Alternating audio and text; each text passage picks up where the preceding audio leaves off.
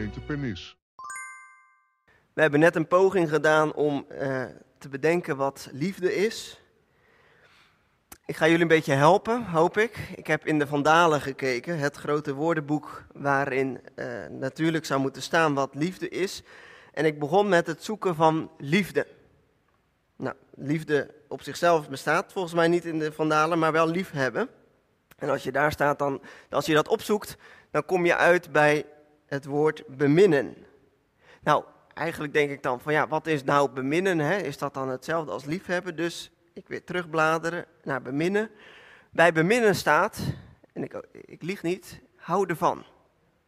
En als je in de Vandalen bij houden van gaat kijken, staat er liefhebben. Eigenlijk een prachtig mooie cirkel, zonder dat we nou precies weten wat liefhebben is dat is altijd een beetje het lastige aan liefhebben. En dat probeert Paulus eigenlijk in dit verhaal ook. Hij probeert ons uitleg te geven over wat is het om van elkaar te houden in de gemeente. Niet in een huwelijk in eerste instantie. Ik heb wel regelmatig deze tekst in huwelijksdiensten moeten gebruiken. En dat vind ik dat toch altijd een beetje ingewikkeld. Want het gaat over hoe houden we van elkaar in de gemeente. Zoals we dat vorige keer, twee weken geleden, hebben bij stilgestaan. Je bent één familie. En toch ben je verschillend van elkaar en in die familie hou je van elkaar. Dat is eigenlijk de boodschap van Paulus van dit hoofdstuk.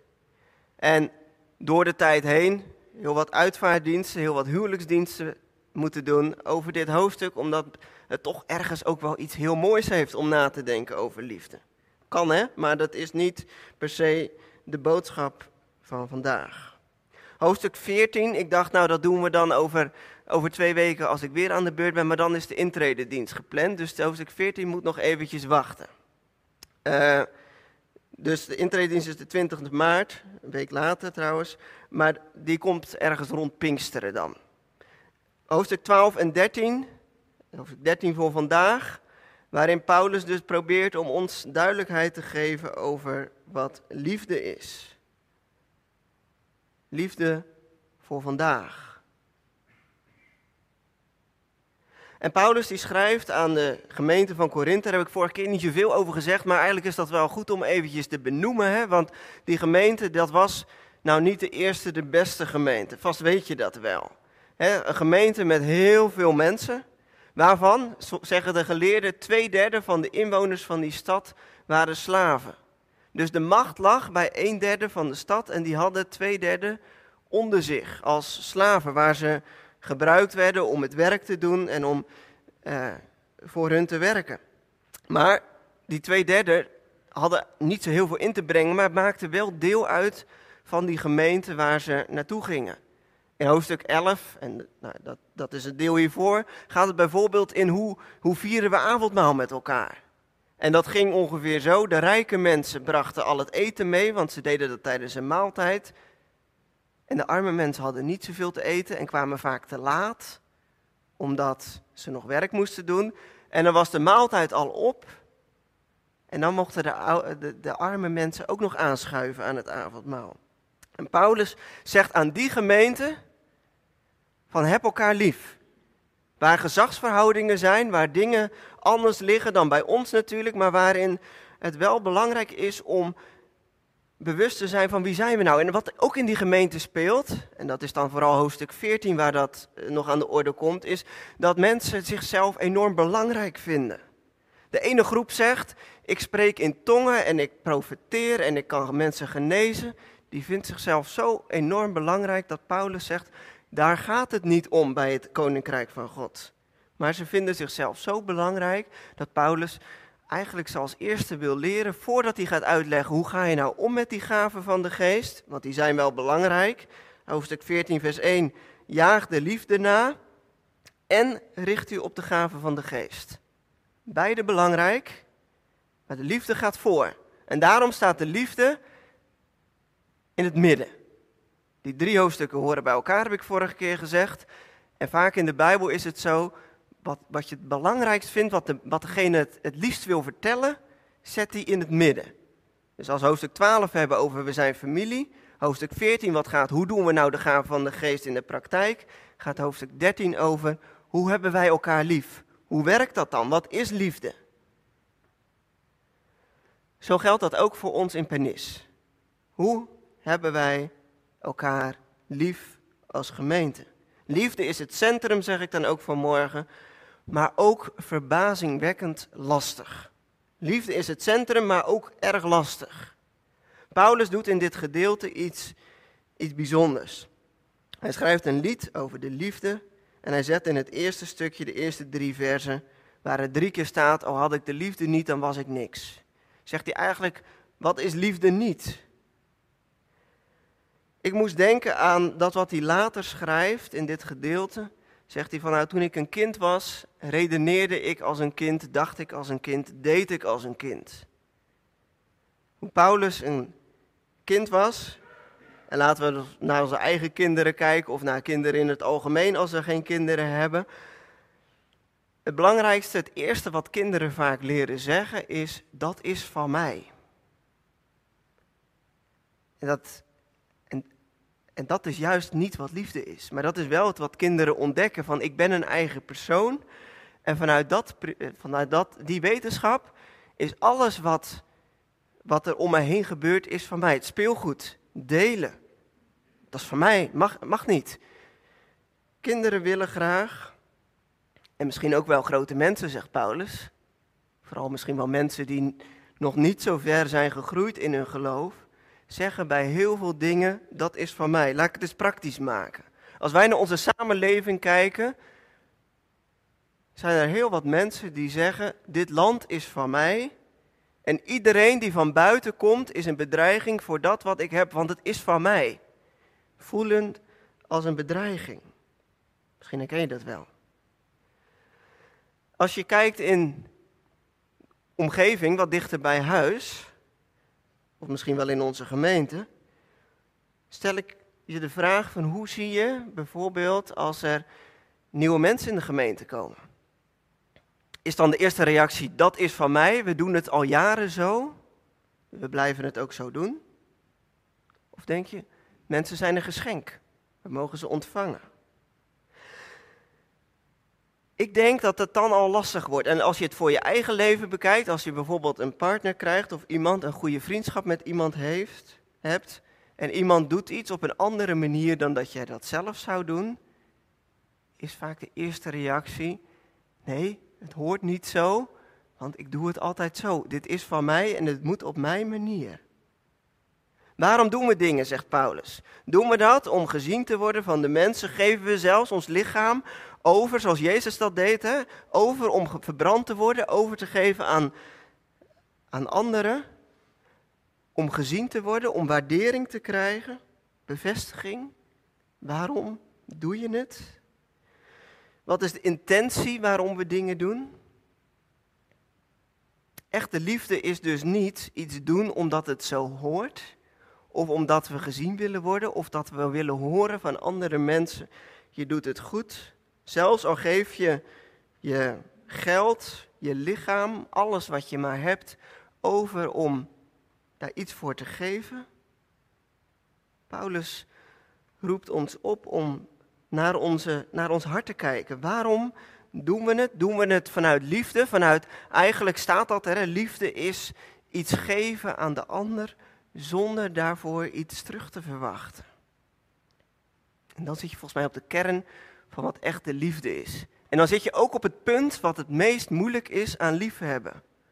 Want eigenlijk zijn wij als mensen er altijd wel, altijd wel op gericht om als we iets geven, er ook wel iets voor terug te krijgen. Ik moet denken aan het gesprek wat Janneke en ik afgelopen week hadden op Valentijnsdag. Wij, ik zei tegen haar, afgelopen drie jaar heb ik je iets gegeven op Valentijnsdag. Dit jaar doe ik het niet, want ik heb toch niks van je teruggekregen. Nou, ongeveer dat was het gesprek. Ik zeg het wat kort door de bocht, maar zo, zo werkt het soms, hè? Dat je tegen elkaar zegt, ik doe het maar niet meer, want jij geeft mij toch niet dat wat ik jou geef. Maar zo werkt het niet, zegt Paulus. Dat is geen liefde. Want als je iets moet geven en dan ook iets terug moet ontvangen, ja, Waarom zou je het dan geven? Om er zelf beter van te worden? Ik moet vaak denken aan dat wat de bekende schrijver en spreker Henry Nouwen schreef en zei. Ik doe het niet omdat wat ik ben. Ik doe het niet omdat wat ik heb, Ik doe het ook niet omdat wat andere mensen over mij zeggen.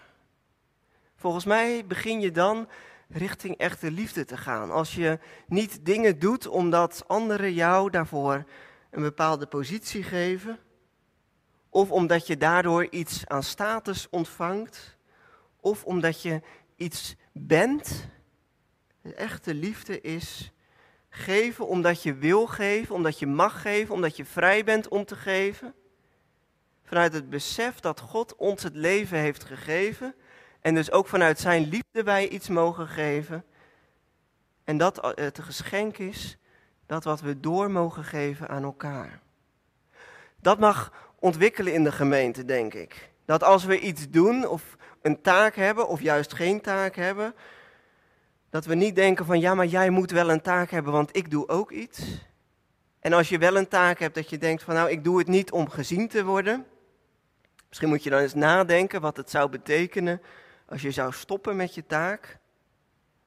Dat is vaak wel een ding, hè? dat merk ik wel eens in gemeentes. En ik ken jullie nog niet zo goed, maar uh, soms zijn er gemeentes, en dat zal vast hier ook wel zo zijn, die, waar mensen al heel lang een bepaalde taak doen.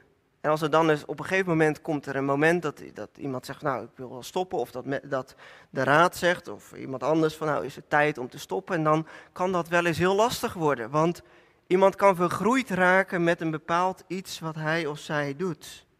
Ik weet niet of dat hier zo is, maar dat kan zomaar zo zijn. Het leven, liefde, is een geschenk. En het volwassen leren leven uit liefde is dus iets geven zonder daar per direct iets voor terug te krijgen. Paulus zoekt in het tweede gedeelte, nadat hij eerst heeft gezegd wat het niet is, een aantal kernwoorden. Liefde is geduldig, vol goedheid. Dat komt een beetje overeen met wat wij net hebben gezegd. Hè? Liefde is iets dat wat je doet, iets wat je in de praktijk brengt. Wij kunnen als mensen van alles en nog wat doen vol goedheid, vol liefde, waarheid. Geen verheugen hebben in onrecht. Mooi ideaal, maar soms zo ver bij hoe het in de werkelijkheid gaat. Denk maar aan je relatie of als je getrouwd bent geweest of misschien in de vriendschappen die je hebt of gemeenteleden onderling, want daar gaat het eigenlijk vooral over hier. Is het soms zo moeilijk om de praktijk van dat echte geduld, geen afgunst hebben, geen ijdel vertoon, niet grof zijn, niet zelfzuchtig. Eigenlijk is het gewoon bijna niet te doen. echt liefhebben, iets geven zonder iets terug te verwachten, is gewoon ontzettend ingewikkeld. En Paulus probeert ons daarin te prikkelen door te zeggen: volwassen liefde, volwassen geloof, betekent dus dat je daarin groeit. Liefde als gevende liefde.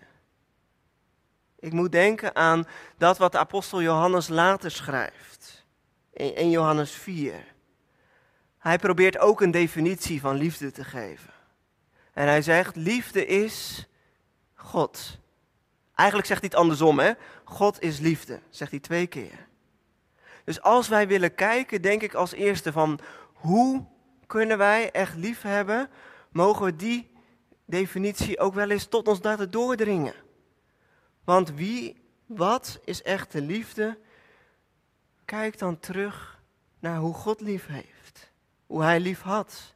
Hoe Jezus ons als het beeld van God liet zien hoe echte liefde eruit ziet. En Jezus was niet zachtzinnig, hè? Hij was niet degene die iedereen maar over de bol aaide en zeide van joh, je doet het goed. Tegen de mensen die niet luisterden. Tegen de fariseeën, tegen de mensen die niet, die vanuit hun positie stonden op de hoek van de straat en hele gebeden opzeiden.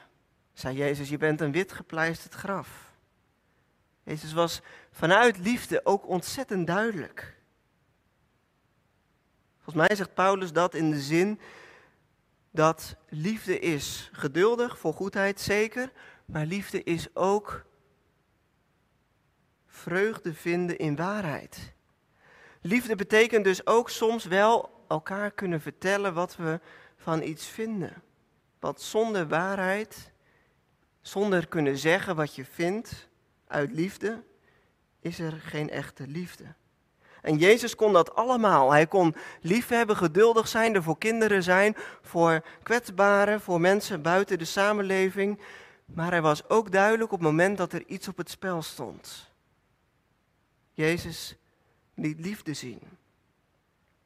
En zoals we net al hebben gezegd, liefde is makkelijk en maar liefde is ook soms ontstellend lastig. Het is soms zo lastig om dat los te laten. Om iets te geven zonder dat je weet wat de ander daarmee doet. Om iets te doen zonder dat je weet wat de reactie van de ander zal zijn. Liefde is denk ik ook het laten gebeuren dat wat er gebeurt. Paulus sluit af en wij gaan ook met hem afsluiten. Hij zegt, wij zijn niet volmaakt. Als volwassenen kijken we nog steeds maar in een afspiegeling. In de oudere vertaling staat, we kijken in een wazige spiegel. Dus wil je liefde begrijpen, dan is dat iets als zo'n bronzen spiegel uit de oudheid, waarin je kunt kijken, waar je nog een beetje kunt poetsen, maar waarin je nog steeds niet helemaal je gezicht kunt zien. Het is niet zo'n spiegel als die wij hebben. Liefde is kijken als in een wazige spiegel, waarin je iets ziet van een glimp van wie God is. Waar je iets ziet van een glimp van wat God doet. Waarin we soms tegen onszelf moeten zeggen: God houdt van alle mensen. Ook van hen die het anders doen dan dat wij het doen. Het is beperkt. Ons kennen is beperkt. Maar één ding weten we zeker. Er blijft, drie dingen blijven over, waarvan het meeste is de liefde. Dus ook al gaat alles voorbij, ook al is er straks geen hemel en geen aarde meer, ook al is er straks geen hoop meer, omdat onze hoop werkelijkheid wordt, hoeven wij niet meer te geloven omdat we God zien. Maar liefde voor God, liefde voor elkaar, zal altijd blijven. En daarom is het zo belangrijk om ook als gemeente te groeien in liefhebben voor elkaar. Totdat het volmaakte is gekomen.